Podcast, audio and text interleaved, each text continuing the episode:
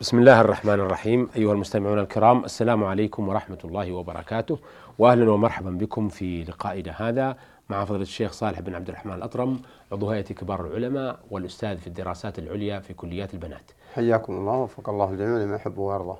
آه الشيخ صالح عرفنا آه الطاغوت آه أو مر بنا ذكر الطاغوت في القرآن الكريم وعرفنا معناه أيضا وعرفنا كيف يكفر به. لكن هل الطواغيت محصورون؟ وإذا كانوا محصورين نريد أن آه، تذكرهم لنا. بسم الله الرحمن الرحيم. الحمد لله رب العالمين والصلاة والسلام على نبينا محمد وعلى وصحبه أجمعين. آه، في الحلقة الماضية آه، مضى بعض الكلام على هذه المسألة. وفي الحقيقة ليس لهم حصر ولكن علماء المسلمين وعلماء أهل السنة والجماعة جاءوا بقواعد وضوابط.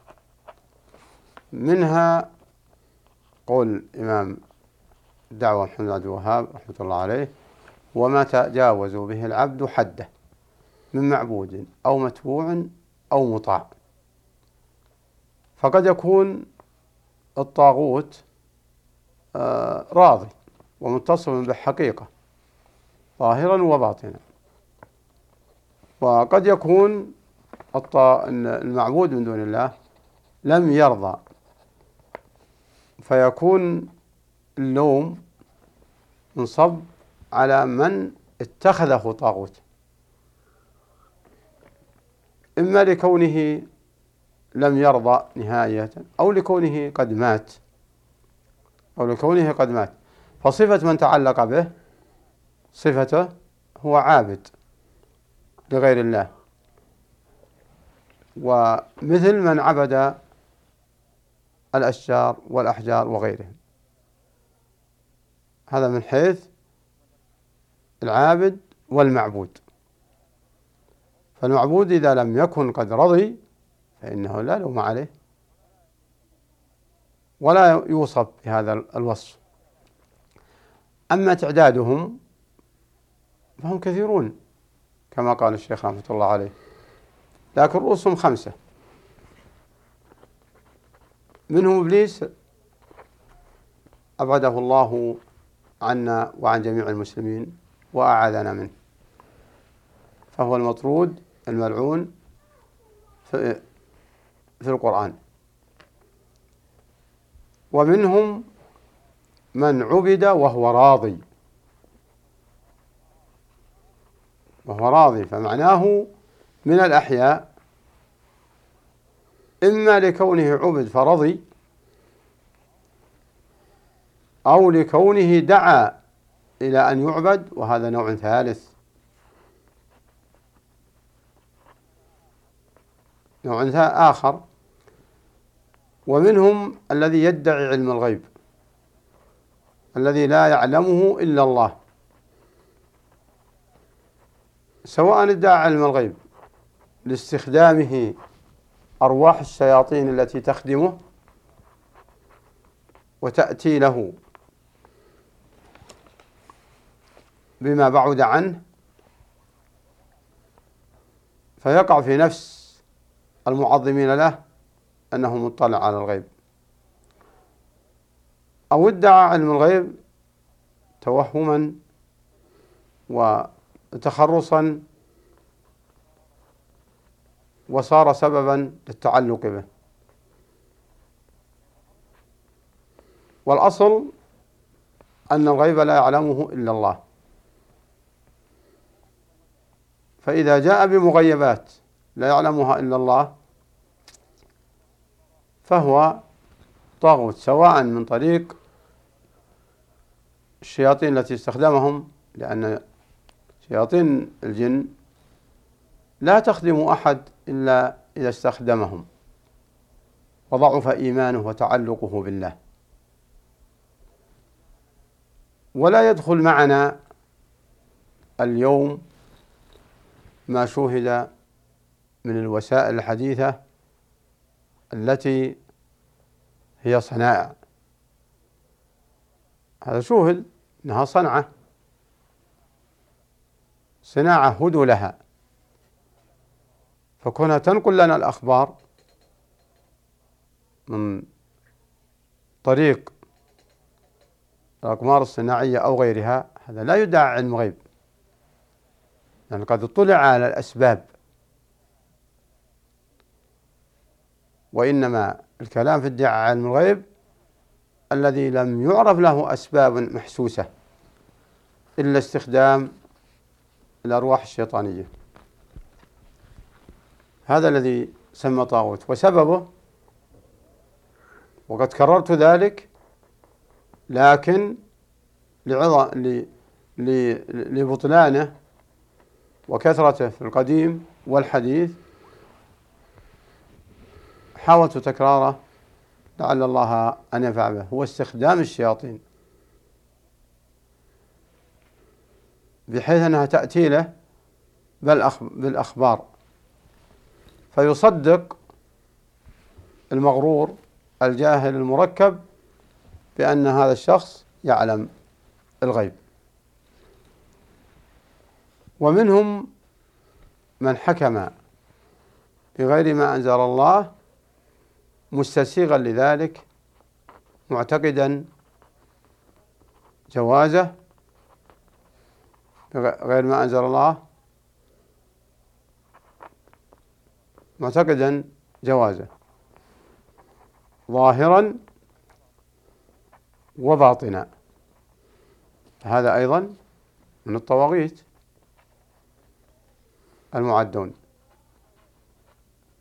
هذه قواعد الحقيقة تعطي لمحة وينطلق منها أمور كثيرة لا تتناهى من صفات الطواغيت التي جعل الله التعلق بها كفرا وشركا. وفرض على لسان محمد عليه الصلاة والسلام الكفر بها واجتنابها. على كل نبي هو بس على ليس على لسان رسول محمد بل على لسان كل نبي. ولقد بعثنا في كل أمة رسولا أن اعبدوا الله واجتنبوا الطاغوت. إذا كل عبادة لله تصرف لغير الله فقد صرفها للطاغوت. من خلال هذه الآية وكل نبي يقول يا قوم اعبدوا الله واجتنبوا الطاغوت. كل نبي من من الأنبياء. إذا القاعدة أي حق خاص لله يصرف لغيره فقد صرف للطاغوت. فليحذر من تسمى بالإسلام وليحقق إسلامه. فليحذر هذا وليحقق إسلامه. نعم. لكن بالنسبة ذكرتم أن إبليس هو رأس الطواغيت. نعم. لكن هل يتصور أن أحدا سيعبد مثلا إبليس؟ لأنه يعني لا يشاهد ولا. هو هو لا قد لا قد لا يعبد إبليس نفسه لكنه يعبد ما من رضيه إبليس أو ما رضيه إبليس. فإذا جاء بأمر يرضاه إبليس فقد عبده. يعني هو هو هو رئيس الطواغيت. ونعم نعم. وقد عبدوا خدمة إبليس وجنوده من من من من الجن. من الجن. نص القرآن. أنهم عبدوا الجن. نعم. وتعلقوا بهم. كما جاء أنهم إذا نزلوا وادي قالوا نعوذ بالله من سيد بسيد نعوذ بسيدي. هذا الوادي من سفهاء قومه. فنزلت الآية وأنه كان رجال من الإنس يعوذون برجال من الجن فزادوهم رهقا. فإذا عبدوا جنوده فقد عبدوا. نعم. إذا تكون العبادة يعني بالطاعة في ذا يعني طاعة إبليس. أي نعم طاعة إبليس. سواء آه، طاعة إبليس بما يخالف شرع الله. نعم. نعم. طيب من عبد وهو راض؟ يعني هذا أيضا كيف يدخل في الطواغيت؟ وهو ما يعني ما ما دعا ولا ما لا هو راضي رضي رضي لكن لكن لو تبرأ وأعلن براءته نعم. أو كان ميتا فإنه لا يوصف بأنه طاغوت. لكن عمل المتعلق به عمل متعلق بالطواغيت كما تقدم في الحلقة الماضية. نعم, نعم. أيضا ذكرتم من الطواغيت من حكم بغير ما أنزل الله آه، مستسيغا لذلك معتقدا جوازه ظاهرا وباطنا. نعم. إذا الناس قد يقولون كثير الآن كل إذا استثنينا مثلا بعض بلاد أو هذه البلاد أو استثنينا معها لكن إذا يقولون جميع الناس يحكمون بغير ما أنزل الله. فهل يقال هؤلاء طواغيت؟ علماء أهل السنة والجماعة نعم. لم يتركوا هذه النقطة. وتكلموا بها. فقالوا الحكم بغير ما أنزل الله من الأمور العملية من الأمور العملية. والأمور العملية إذا صدرت من معتقد لجوازها هذا كفر.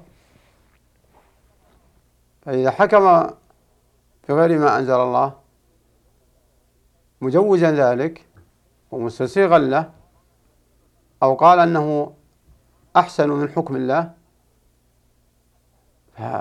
فقد كفر وقد شجع الطواغيت. أفحكم الجاهلية يبغون؟ ومن أحسن من الله حكما لقوم يوقنون. لقوم يوقنون. آه إما وأما إذا حكم بغير ما أنزل عمليا وهو في الحقيقة ما اعتقد جواز ذلك ولكن قد يكون ساقته الهوى أو الشهوة أو الحمية أو الحمية فيصدق عليه أنه كفر دون كفر. ويداخل تحت قوله تعالى ومن لم يحكم بما أنزل الله فأولئك هم الكافرون لكن ما دام سلم الاعتقاد وسلم فرضه على الأمة فإنه يكون فاسق بذلك بمعنى ارتكب معصية. لكن هل هذه المعصية تؤديه إلى أنه يخرج من الملة؟ هذا أمر عملي. لا يخرج من الملة بمجرد أنه حكم في مسألة أو مسألتين أو أو أو تحاكم. وهو يعتقد تحريم ذلك. ويقول به. لكن إما لشهوة فيما تحوكم من أجله من أجله أو لشيء من التساهل. فالحكم عليه بأنه بأنه خرج من الملة هذا فيه صعوبة. والذي يعممه مطلقا مطلقا فيقول مجرد ما يتحاكم أو مجرد ما يحكم بغير ما أنزل الله يكفر مطلقا سواء كان قلبا وقالبا وقالبا أو كان قولا فقط دون قلب فهذا خلاف مذهب السنة والجماعة. وهذا مثل كثير من المحرمات. كثير من المحرمات فإن الحكم عليها في العمل يختلف عن الحكم ما إذا صدر عن اعتقاد. وسيأتي آه، شيء من آه، التفصيل حول هذه النقطة إن شاء الله تعالى في حلقة قادمة لأنها نقطة مهمة آه، جدا فينبغي التنبه لها لأنها مزل أقدام. نسأل الله الثبات. شكرا أثابكم الله. بهذا نأتي أيها الأخوة إلى نهاية لقائنا هذا الذي تحدثنا فيه مع فضيلة الشيخ صالح بن عبد الرحمن الأطرم عضو هيئة كبار العلماء والأستاذ في الدراسات العليا في كليات البنات. شكرا لكم أيها الأخوة وإلى أن نلتقي. نستودعكم الله. والسلام عليكم ورحمة الله وبركاته.